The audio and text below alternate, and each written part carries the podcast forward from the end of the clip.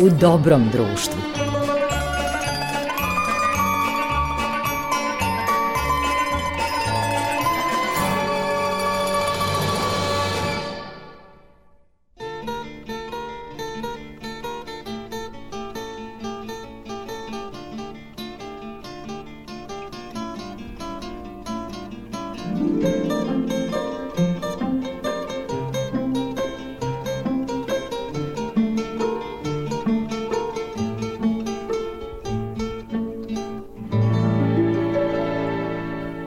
Poštovani slušalci, na pravom ste mestu, na talasima prvog programa radija Radio Televizije Vojvodine.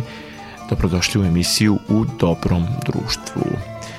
Imamo zaista jedno odabrano društvo i temu koja nije zabavnog karaktera, govorit ćemo o žrtvama, o žrtvama genocida, a naš gost biće Dejan Ristić, istoričar koji je danas na čelu vrlo ugledne ustanove Muzeja žrtava genocida u Beogradu.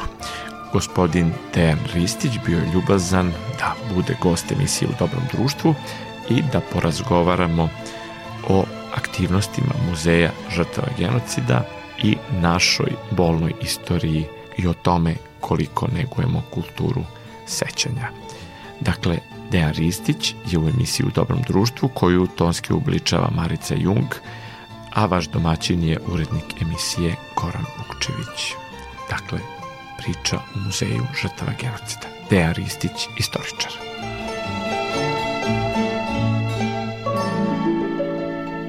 Gospodine Ristiću, hvala vam što ste odvojili vreme i pored brojnih obaveza da razgovaramo za radio televiziju Vojvodina, prvi program radija. I evo, imam čast da budem u muzeju žrtava genocida kojim rukovodite i koji čini mi se, bilo nešto što nam je odavno bilo neophodno, s obzirom da je naša istorija istorija stradanja. Kako bismo mogli da predstavimo ovaj, da tako kažem, dom sećanja, ali mnogo i više od toga, slušalcima ukratko? Pre svega hvala vam na, na, na ukazanom poverenju i na izdvojnom vremenu da, da slušalce radio televizije Vojvodine, odnosno radija Novi Sad upoznamo sa aktivnostima Muzeja žrtava genocida. Naš muzej, dakle Muzej žrtava genocida je jedan od nacionalnih muzeja Republike Srbije, čiji je osnivač Republika Srbije. On je osnovan još 1992. godine i na nacionalni dan sećanja 22. aprila ove godine obeležava 30 godina svog postojanja i uspešnog delovanja formiran je na osnovu posebnog zakona, što je takođe veoma specifično. Redke su institucije kulture u našoj zemlji koje imaju poseban zakon o svome uspostavljanju i to govori o jasnoj želji, volji i potrebi tadašnjih zakonodavaca, a svih nas zajedno, da uspostavimo nešto što će biti, kao što ste vi lepo primetili, dom sećanja na stradalničku prošlost srpskog naroda, pre svega u periodu drugog svetskog rata, ali i šire, u širem istorijskom kontekstu. Muzej žrtava genocida je 1992. godine formiran po ugledu na Jad Vašem. Dakle, po ugledu na vodeću i najuticajniju, najugledniju instituciju u svetu koja se bavi kulturom sećanja, konkretno na holokaust. Ono što je takođe važno kada govorimo o muzeju žrtava genocida, naša primarna aktivnost i tema interesovanja jeste genocid počinjen nad pripadnicima srpskog naroda na celokupnoj teritoriji nezavisne države Hrvatske, a potom zločini, ratni zločini, zločini protiv čovečnosti počinjeni nad pripadnicima našeg naroda na celokupnoj teritoriji tada okupirane kraljevine Jugoslavije, dakle od 1941. do 1945. godine, no takođe i istraživanje i javna memorializacija žrtava holokausta na našoj teritoriji, kada kažem našoj, mislim na istorijski kontekst Jugoslavije, i žrtava Samudaripena, što je stručni naziv za genocid počinjen nad Romima na teritoriji čitave Evrope u drugom svetskom ratu od 1939. do 1945. godine, ali opet u našem istorijskom kontekstu na teritoriji tada okupirane Jugoslavije u periodu između 6. aprila 1941. i 15. maja 1945. godine. Ono što ovaj muzej izdvaja u odnosu na druge nacionalne ustanove kulture to je što on pre svega ima jaku naučnu istraživačku delatnost. Dakle, da bismo uspostavili ili ojačali, afirmisali kulturu sećanja, mi moramo da znamo čega se sećamo. Ne možemo se sećati samo radi sećanja.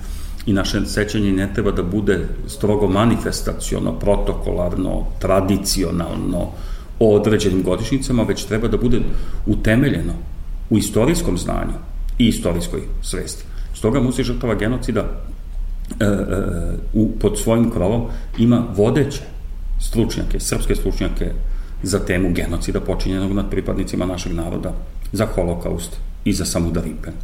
Sa druge strane, sve ono što su rezultati naučno-istraživačke delatnosti naših stručnjaka i naših timova, potom se na neki način preliva, na najlepši mogući način, u oblast kulture, kulture sećanja, umetnosti, izdavaštva, informisanja. Dakle, sve ono što jeste rezultat tih istraživanja potom prerasta u publikacije, izložbe, predavanja, tribine, dokumentarne filmove, dokumentarno igrane filmove i mnogo toga drugog, zato što nam je cilj svih ovih 30 godina bio čitavom timu Muzeja žrtava genocida da kontinuirano stvaramo zajednicu znanja, odgovornih, samosvesnih, dostojanstvenih i plemenitih pripadnika srpskog naroda i svih građana Republike Srbije, koji su svesni tih strašnih strahota, usudio bih se da kažem biblijskih razmera, koje su se desile između 1941. i 1945. godine na prostoru nekadašnje Jugoslavije, a posebno na prostoru nezavisne države Hrvatske na kojoj je na čijoj je čitavoj, celokupnoj teritoriji, to je stalno važno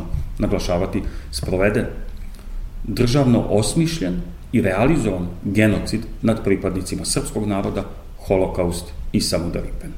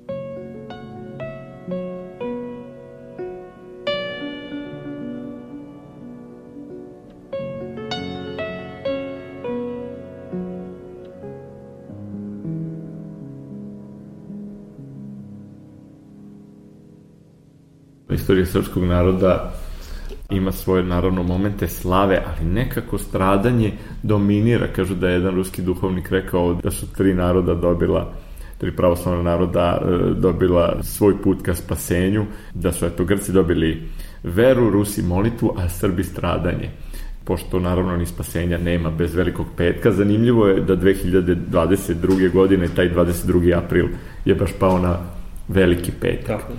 Kako se nekako izboriti za praštanje, a opet nikako ne zaboraviti kako nam se neke stvari ne bi ponovile? To je dosta teško i to je nešto što je individualni proces. Mi duboko verujemo ovde u Muzeju žrtava genocida da da bismo došli do tog nivoa pojedinačnog praštanja u odnosu na one koji su počinili zločine nad pripadnicima našeg naroda, pre svega treba da se naružamo znanjem i vrlinama. Znanjem, dakle da bismo potpuno spoznali šta se desilo, zašto se desilo, u kom istorijskom kontekstu, koji su bili uzroci genocida, tok i njegov karakter i koje su te stravične posledice genocida koji se osjećaju i dan danas i osjećaće se u decenijama koje, koje slede, tu nema nikakve dileme. Dakle, pre svega da se naružamo znanjem i vrlinama. Znanje bez vrlina ne znači mnogo, a opet vrline bez znanja nisu dovoljne. Zato, čini mi se, je potrebna ta vrsta sinergije. Strpljenja, beskrajnog strpljenja, truda, svih nas zajedno, ne samo stručnjaka, već svih nas zajedno, da u stvari to strašno breme stradalništva srpskog naroda u drugom svetskom ratu dostojanstveno i plemenito nosimo, lišeni svakog poriva da mrzimo, da se svetimo, već naprotiv, da svedočimo to stradanje i kroz istorijsku nauku i društveno-humanističke nauke i kroz našu veru i kroz naš identitet, na taj način da budemo opomena čitavom svetu, zajedno sa jevrejima, sa romima i sa pripadnicima drugih naroda koji su doživjeli slična stradanja u periodu drugog svetskog rata širom Evrope, dakle da budemo ti plemeniti nosioci te ideje i misli i tog istorijskog iskustva stradanja. Pre svega da se ono zaista nikome ne bi ponovilo. Nikome, ne samo nama, već podjednako nikome, a sa druge strane da to znanje i to saznanje i to sećanje prihvatimo i kao nešto što je potpuno katarzično. Vrlo često naš patrijarh, njegova svetost, Porfirije prvi ukazuje i kada dolazi u Jasenovac i kada obilazi druga stratišta, da je teret našeg stradanja ogroman i da je ponekad ljudskim plećima nemoguće da iznese toliki teret stradanja, tog istorijskog stradanja i svega onoga što ono nosi i da upravo zbog toga, da bismo taj teret, to istorijsko vreme nosili na pravi način, ljudskom biću e, svojstven, dostojanstven i plemenit. Potrebno je da gledamo napred, dignuta čela, da ne mrzimo nikoga, da se ne svetimo, da ne gajimo bilo kakvu negativnu emociju, što je beskrajno teško i to verujem da će svako od nas potvrditi I proces, glavom. Da. I to je proces, to je cel, celoživotni proces. Zato što čini mi se da ne postoji porodica u našem narodu koja e, nema ne sadrži element stradalništva u periodu drugog svetskog rata. Da li se radi o smrtnim ishodima, da li se radi o izbeglištvu, o ranjavanjima, o oduzimanju imovine, o izgonu, što se kaže sa rodnog sa kućnog praga. Dakle, na nama je da probamo da nađemo snagu. Ljudsku, psihološku, etičku, versku, saznajno. Da probamo da to istorijsko vreme koje ponavljam beskrajno teško kultivišemo sa jedne strane, a sa druge strane da ga usmerimo u tom pravcu da budemo jedan od tih svetionika etičnosti koji će svojom pojavom na javnoj sceni kao pripadnik srpskog naroda, svojom pojavom na bilo kojoj manifestaciji ili programu u znak sećanja na naše i druge nevine žrtve širom Evrope u, u kontekstu drugog svetskog rata, tom pojavom svedočiti o jednom plemenitom narodu koji je stradao, ali koji ne mrzi. Koji ne mrzi baš zato što je stradao. Zato što zna da je to stradanje takvih razmera i takvog karaktera da se teško može uporediti sa stradanjem jednog, nekog naroda u drugom svetskom ratu, u širem evropskom i geografskom, istorijskom i svakom drugom kontekstu. Dakle, ono što mi kao muzej pokušavamo da uradimo, to je da motivišemo, da pozivamo, da vodimo dijalog, dakle da razgovaramo. Ovo je jedno od mesta e, u našem narodu koje treba da, da ima tu funkciju promišljanja, koje treba da ima funkciju okupljanja, jednog sabirališta, naučnog. Mi smo dakle, državna institucija, nacionalna institucija, i stoga e, su vrata Muzeja žrtava genocida širom otvorena svim pripadnicima našeg naroda, svim građanima Republike Srbije, svima onima koji u svetu pokazuju interesovanje da obogate i objektivizuju svoje znanja onome što se dešavalo na teritoriji okupirane Jugoslavije u drugom svetskom ratu kada govorimo o stradanju civila, dakle dece, žena, starih, svih onih koji su nedužni i koji su možda i najveće žrtve svakog oruženog sukoba kroz istoriju ljudske vrste. I ponavljam i stalno to akcentujem i ne samo ja, već sve moje koleginice i kolege i one oni koji su članovi aktualnog tima Muzeja žrtava genocida, sa druge strane svi oni koji su bili deo našeg tima, jer mi svi zajedno jesmo deo tog tima prethodnih 30 godina, to je naoružajmo se znanjem i vrlinama. Protiv ideja, mrziteljskih ideja. Znate, nasilje ne počinje činom nasilja fizički. Nasilje počinje, nastaje u našem umu. Kada mrzimo, kada pokleknemo pred stereotipima, kada pokleknemo pred brojnim iskušenjima, i istorijskim, i identitetskim, ideološkim, i političkim, i verskim. Dakle, nama je potrebno da preveniramo svojim istorijskim iskustvom svaki oblik sličnog nasilja u odnosu na, na, na naš narod i na bilo koji drugi narod, na bilo kog pojedinca, bilo gde na ovoj planeti. A to možemo da uradimo ukoliko se mrziteljskim idejama, koji dan danas postoje, koje su mimikrirane, neonacističke, neofašističke, neoustaške ideje, suprotstavljamo ne na isti način, ne mržnjom i destrukcijom, već naprotiv, znanjem. Znanjem i etičnošću. Na jednu ideju ne možete pucati. Ne možete uzeti oružje i sada pucati u ideju.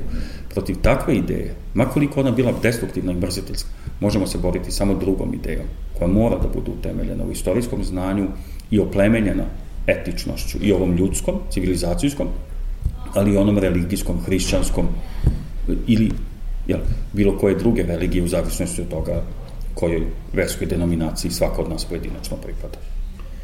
Da, ovo me malo podsjetilo i na ono što je govorio patrijarh Pavle, da budemo i mudri, ali nikako bez dobrote. Tako je. To je Jednom bez drugog nema smisla. Zato što nam je očigledno istorija nakon perioda 1941. 1945. godina dala jednu istorijsku, globalnu istorijsku ulogu. Želeli je mi ili ne, mi je imamo. Samo je bitno da postanemo svesni te uloge i dužnosti koje imamo pred čitavim svetom. Da svedočimo o univerzalnom stradanju pripadnika jednog naroda. U, u periodu kada je ljudska vrsta, usuđujem se da kažem, apsolutno poklekla. Znate, moj lični utisak, ja nemam nikoga ko je recimo stradao iz moje porodice u Jasenovcu, ali svaki put kad odlazimo, ne znam koliko puta sam boravio u Jasenovcu, to su desetine i desetine puta. Jedan snažan emotivni doživljaj, ne samo lični, već pre svega emotivni, koji svedoči o tome da ukoliko pakao postoji, taj pakao se otelotvorio u te četiri godine u Jasenovcu. Na svaki mogući način, na najstrašniji, najbrutalniji mogući način. A onda znamo da Jasenovac, nažalost, nije bilo, bilo jedino gubilište. Ono je bilo najveće i najmonstruoznije. Ali je čitav naš etnički prostor premrežen u te četiri strašne ratne godine brojnim, brojnim gubilištima. Nema naseljenog mesta u Srbiji i na našem etničkom prostoru koji nema veće ili manje stratište, gubilište, mesto gde su potpuno nedužni stradali. I ukoliko vam istorija već, ne zato što ste želeli, već zato što je to istorijska zakonomernost i upravo zbog toga što nam je istorija poverila tu ulogu, želeli je mi ili ne, važno je da budemo svesni i da tu ulogu tu funkciju, tu dužnost plemenito, plemenito nosimo i da ne pokleknemo pred izazovima svoga doba. A oni su brojni, oni se očituju u različitim nivoima, što individualno, što grupno, što na nivou nacije, što na nivou države, regiona, Evrope i sveta. Zato mislim da, da, da vas da moramo da budemo odgovorni, da se trudimo da budemo što odgovorni, da sebe što više obogatimo znanjem, i da naše znanje bude utemeljeno isključivo u istorijskim činjenicama. Zato što svako udaljavanje od istorijskih činjenica u jednom, drugom, trećem ili petnestom pravcu jeste udaljavanje od istine. I ljudske, i naučne, ali ukoliko želite i u verskom kontekstu i od ome božanske istine.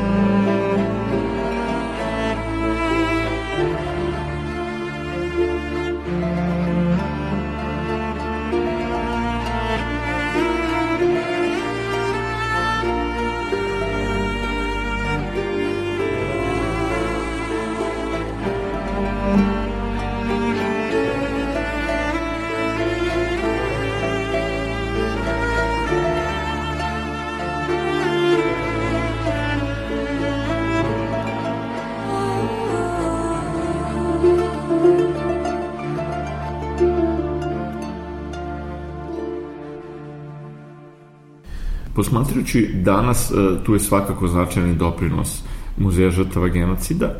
Mislim da se mnogo više obraća pažnja naročito u poslednjoj deceniji, recimo. Imali smo vrlo jednostrane, da tako kažem, filmske produkcije koje su se bavile našom istorijom. Vaša i moja generacija negde su obrazovane uglavnom e, na istoriji drugog svetskog rata, ali sa skrajnutim temama, kako je bilo, recimo, stradanje e, srpskog naroda. E, neki konteksti su se, recimo, iskrivljavali i uopšte kad je reč o drugom svetskom ratu, mnoge stvari su veoma zamršene, postoje ostrašćenosti kod novih generacija, podele e, na partizani i četnike, I meni nije jednostavno u okviru sobstvene familije gdje imam pomešano i četnike i partizane među precima i vrlo e, velike izločine i nepravde, s obzirom da je, da je to eto, 44. i 5. u Crnoj Gori, gde je zaista unutar porodica dolazilo do e, jezivog e, bratoubilaštva i uopšte mnogo je teže baviti se istorijom drugog svetskog rata kada je u pitanju e, naš narod nego recimo istoriju istorijom prvog svetskog rata gde smo imali ulogu žrtava i heroja, ali nismo imali unutar tu jednu, da tako kažem, do danas neraščišćenu, pa i tabu temu, onda zločini udbe posle drugog svetskog rata, zločini bez suda, e, na koji način sve to razmrsiti i koliko postoji uopšte zainteresovanost novih generacija da obrate pažnju na te teme. Vi ste kandidovali nekoliko veoma delikatnih i, i bolnih tema naše nacionalne istorije 20. veka, to je pre svega taj moment građanskog i unutarnacionalnog sukoba tokom drugog svetskog rata koji ostavio strahovite posledice, ne samo u smislu smrtnih ishoda i razaranja, već u smislu tog animoziteta koji u određenim momentima postoji i dan danas, pre svega između onih koji su potomci ili pristalice dvaju pokreta tokom drugog svetskog rata, dakle Narodno-slobodilačke vojske Jugoslavije i Jugoslovenske vojske u otačbini.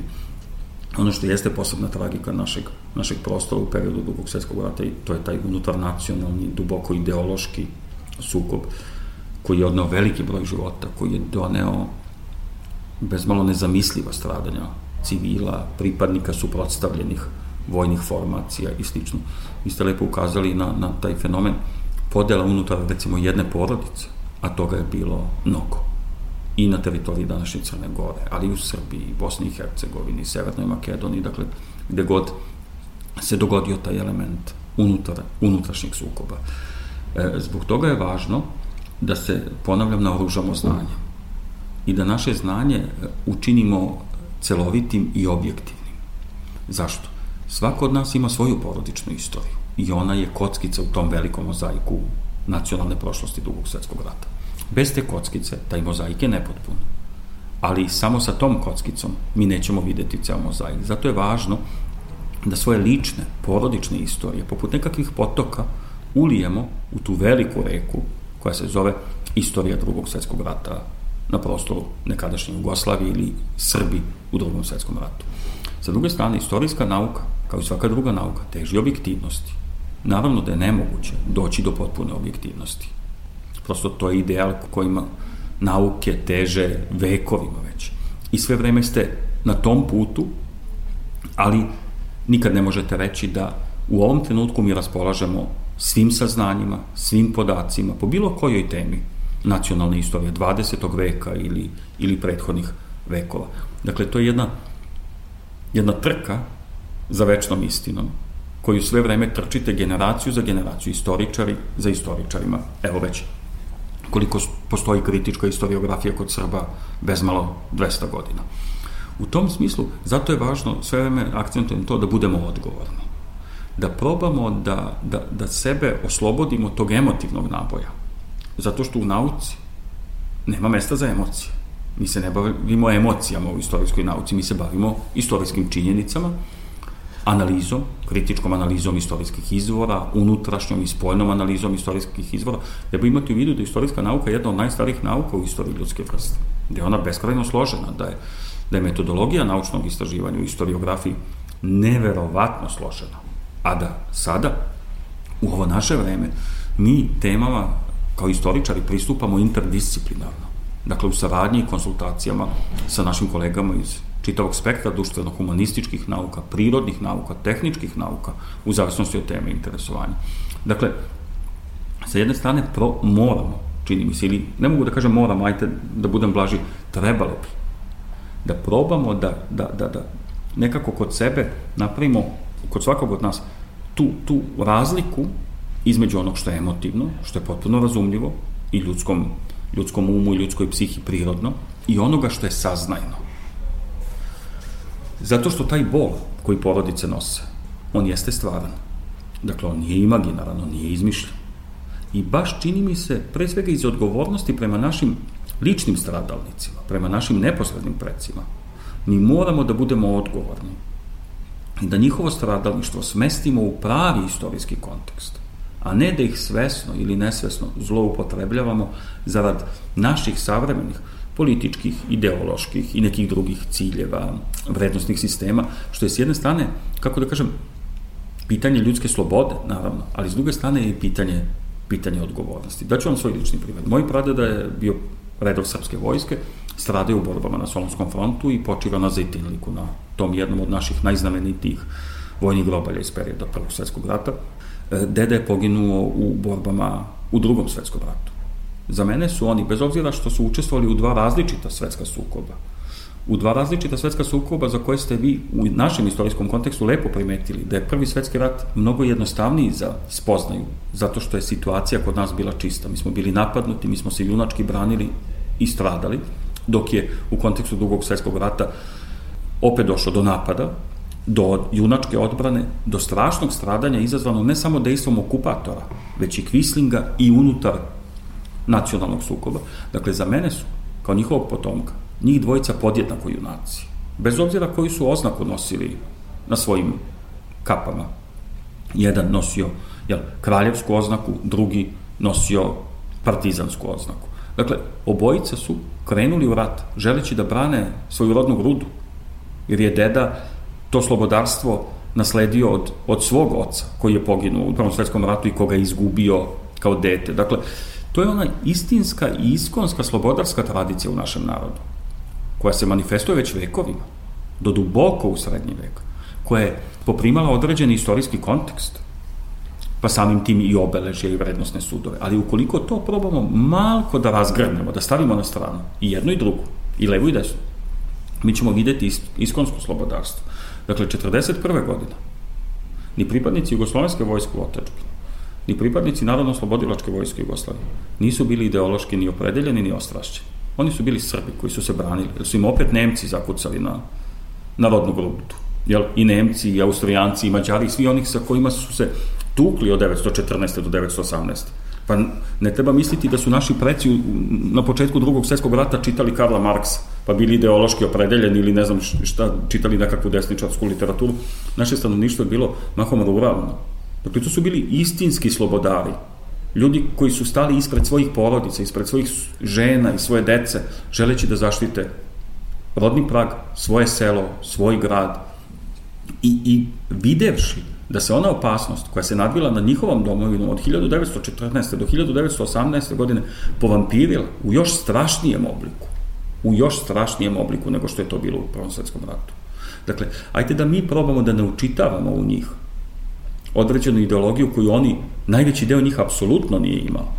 I to se vidi recimo i u onim momentima kada recimo pojedini pripadnici Jugoslovenske vojske u otačbini tokom te četiri godine prelaze u Narodno-slobodilačku vojsku Jugoslavije i obrnuto iz Narodno-slobodilačke vojske u Jugoslovensku vojsku u otačbini. Dakle, važno je da budemo mirni, duhom mirni, da nas ne vode emocije, da nas vodi dobro poznavanje istorijskih činjenica, dakle znanje i sa druge strane visoka svest o odgovornosti da ne bismo sada, posle toliko decenija, tu ranu bratoubilaštva, koja je beskrajno bolna, kako ona lagano zarasta, mi, znate, razgratamo da je opet oživimo, da je opet raskrvarimo. Pa čini mi se da to ni, ne ide u prilog našem narodu, da ne ide u prilog našoj budućnosti, da možemo da koristimo, recimo, iskustva nekih drugih država iz, i naroda iz perioda Drugog svetskog rata. Pogledajte, recimo, današnje rusko iskustvo. Oni su potpuno prihvatili sovjetsku slobodarsku tradiciju drugog svetskog rata. Znači, inkorporirali su u svoju na, nacionalnu slobodarsku tradiciju. Naravno, osudili sve ono što je ideološki teror, što je e, to eklatantno prisustvo ideologije, ali su uspeli da dođu do one srži koja predstavlja identitet tog naroda, govorim sad o ruskom narodu, a to je slobodarstvo i nepokor. I vi danas imate situacije redovne, da ruski patrijarh bogosluži na recimo grobljima pripadnika crvene armije. I ne samo ruski patrijarh, već crkveni velikodostojnici, da se podižu crkve na mestima velikih bitaka iz drugog svetskog rata. Što govori o tome da se dosegla ta svest da je rusko društvo i da su pripadnici ruskog naroda prepoznali te istinske vrednosti, identitetske vrednosti sobstvenog naroda. Čini mi se da mi polako sada ulazimo u tu fazu. Polako, skromno, obazrivo i bolje to raditi obazrivo i polako, nego žuriti i onda svesno ili nesvesno otići na neku stramputicu, da li ona leva, desna ili bilo koja. Dakle, naš put mora da bude prav.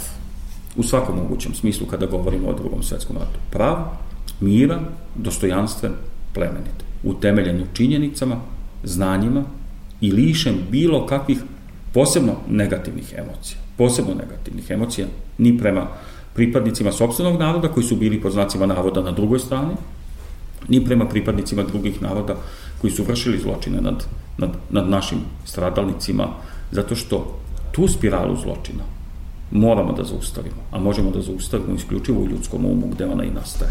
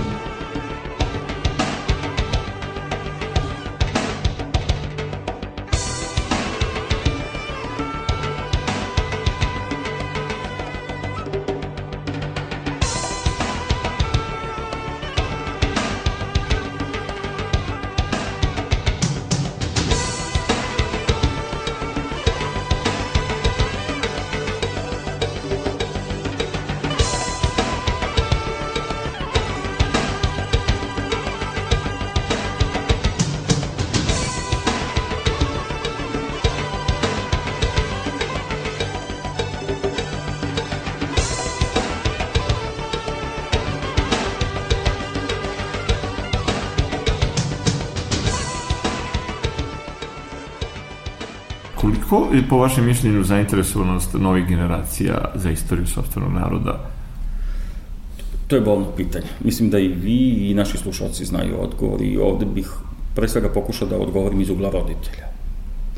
Dakle, ukoliko ja kao roditelj, zajedno sa svojim suprugom, svoje roditeljstvo svedem isključivo na ono što je egzistencijalno i što je biološko, bez saznajnog i etičkog, ne postoji prosvetni sistem na ovoj planeti, najbolji mogući, da ga zamislimo, najidealniji, koji može od moje dece, koja kreću u školu, jel, sa sedam godina, da stvori obrazovane, svesne, dostojanstvene pojedince.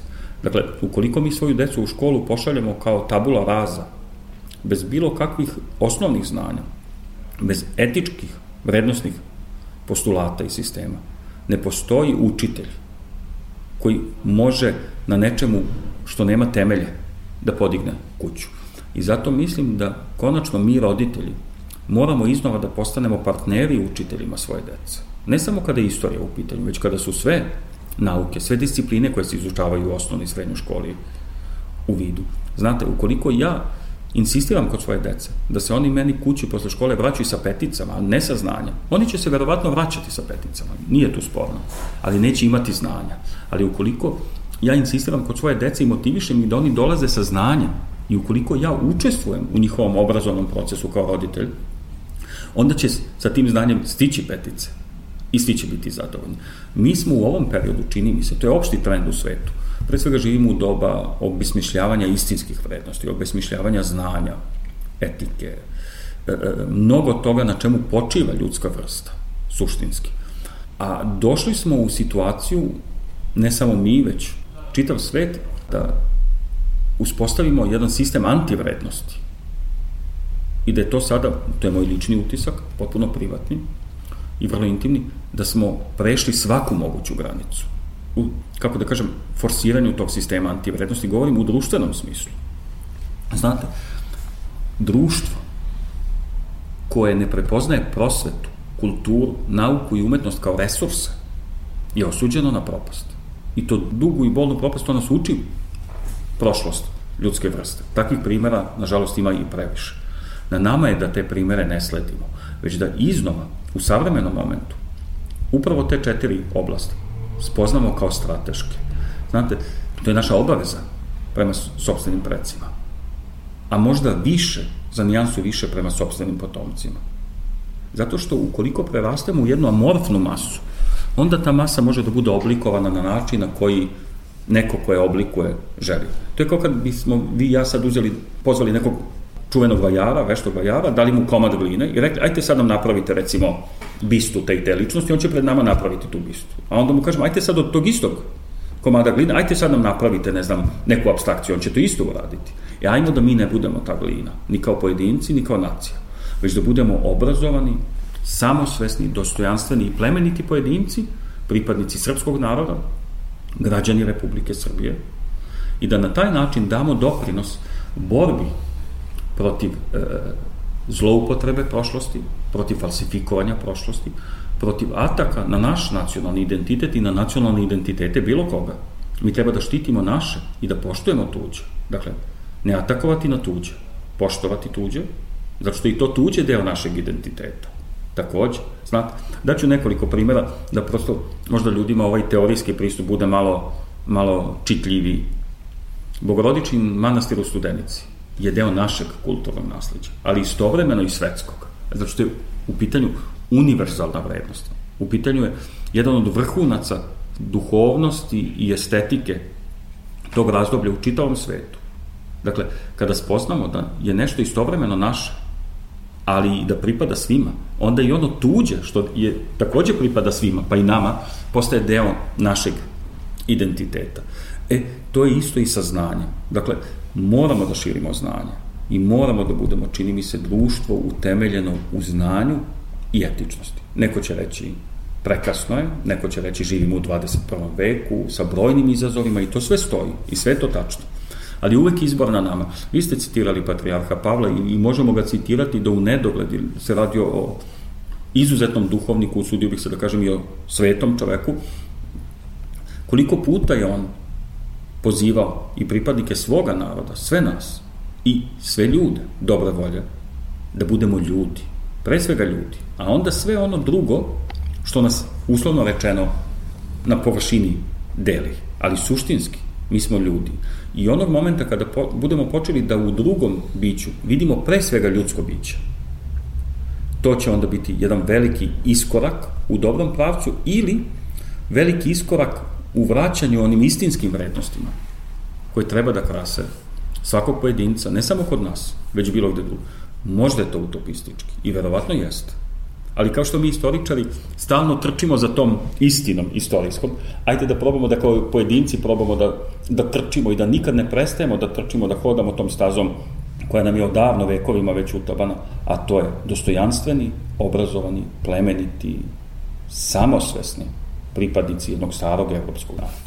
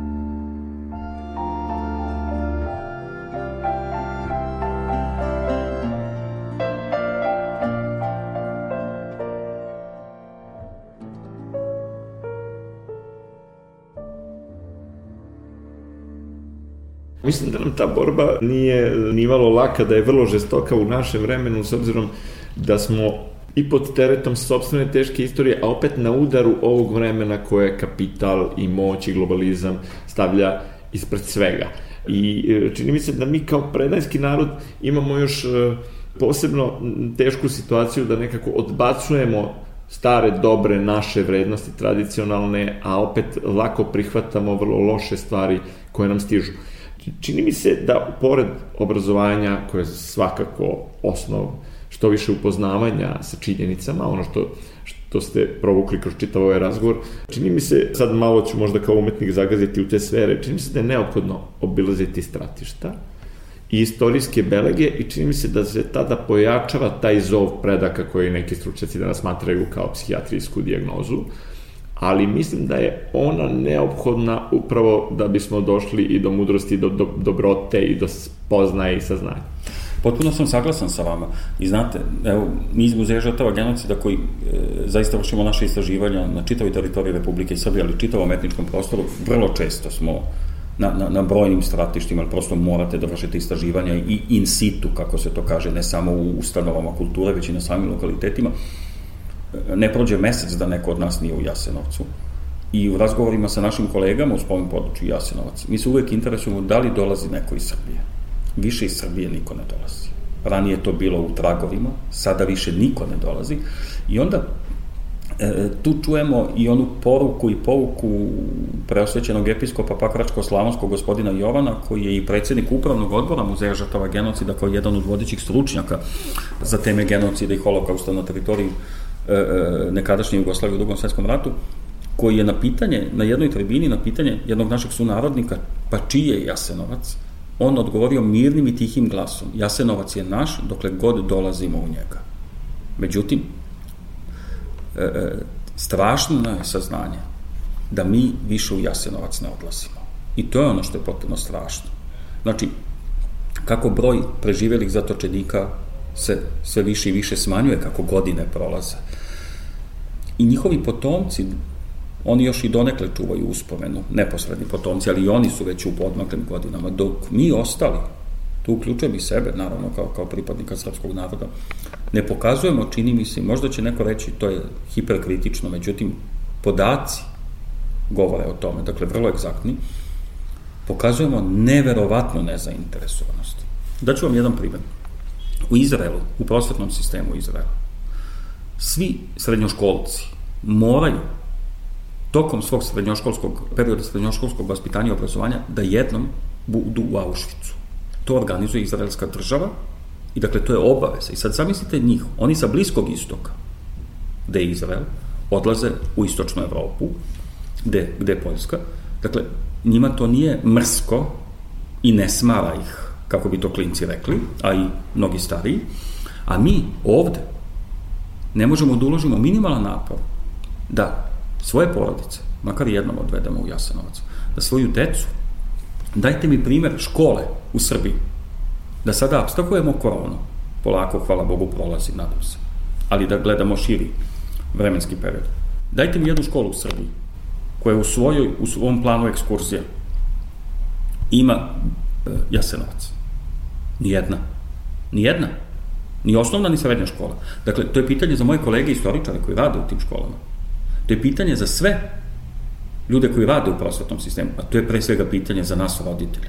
Znate, kada sam ja na jednom roditeljskom sastanku, pre par godina, pitao, znaju roditelji kako se dogovara ekskurzija u smislu budu predlozi pa se to na početku školske godine nekako definiše. Jedan od mojih predloga je bio, ajmo da idemo u Jasenovac. Bezmalo svi su me pogledali potpuno začuđeno. Zašto bismo mi svoju decu izlagali tome? Pa za početak zato što su naši preci bili izloženi tome. I zato što je važno da znamo. E, u tom smislu, mi u Muzeju žrtava genocida jesmo veoma zabrinuti. Zbog toga što ne samo mladi, a mladi su posledica nas, roditelja, naše brige o njima, već i mi stariji, pripadnici srednjih generacija, mahom, da ne kažem u ogromnoj većini, pokazujemo beskrajnu temeljnu nezainteresovanost. Ne samo za Jasenovac. Pa pogledajte šta nam se dešava po stratištima u Srbiji. U Jajincima, koje je najveće pojedinačno stratište iz perioda drugog svetskog rata na čitavoj teritoriji Republike, voze se autotrke, sunčas, organizuju se piknici, sportske aktivnosti, deči rođendani. Zamislite roditelje koji na masovnim grobnicama organizuju rođendane svoje dece. U Leskovcu, grad Leskovac organizuje zajedničku proslavu male mature za sve male maturante u gradu na stratištu. U Kragujevcu, u Šumaricama imate trim stazu. Dakle, potpuno je normalno da se vi bavite sportskim aktivnostima između humki, žrtava Kragujevačkog oktobra.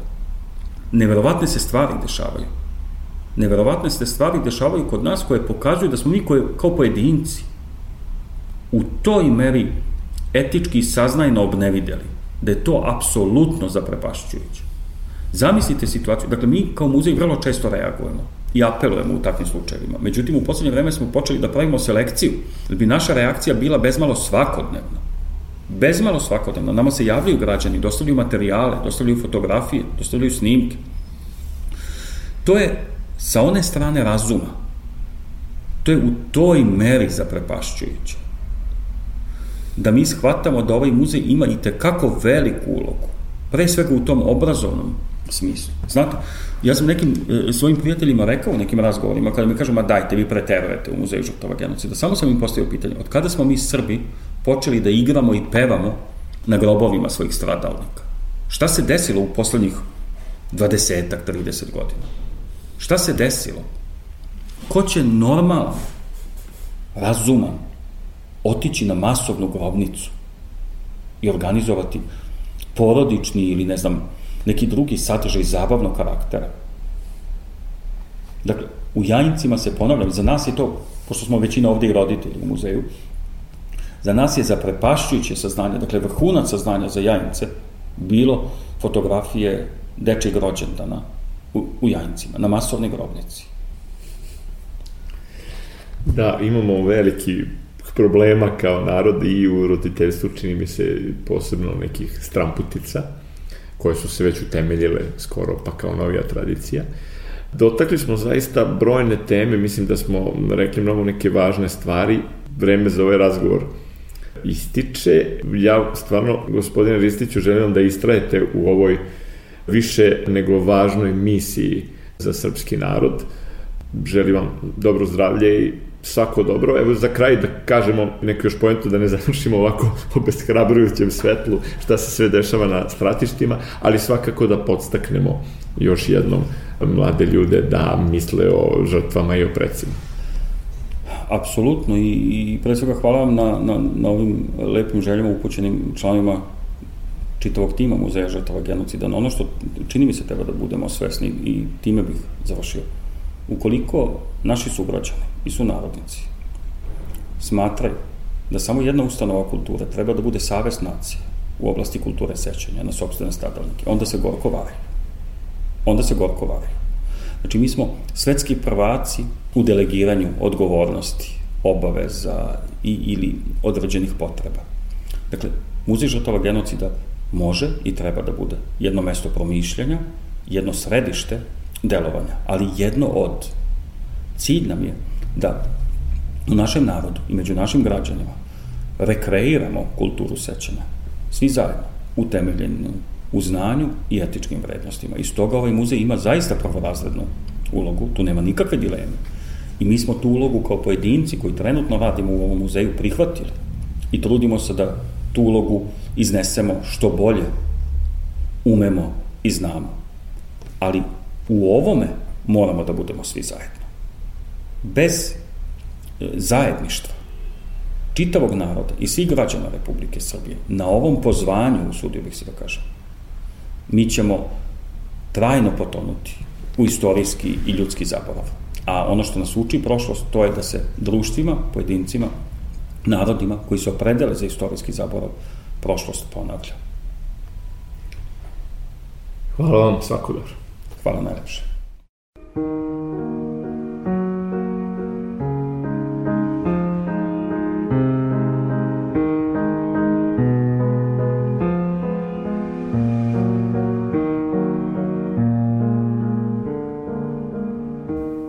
Slušali ste emisiju U dobrom društvu. Vaš i naš gost bio je Dejan Ristić, istoričar, čovek koji je na čelu vrlo ugledne i aktivne ustanove Muzeja žrtava genocida u Beogradu. I sledećeg petka budite u dobrom društvu sa Maricom Jung koja tonski ubličava ovu emisiju i uz vas će biti Goran Vučević, urednik i domaćin emisije. Do tada ovu emisiju možete čuti i četvrtkom u repriznom terminu posle vesti u 16 časova, a naravno i na sajtu radiotelevizije Vojvodine rtv.rs pod opcijom odloženo slušanje. Ostanite u dobrom društvu.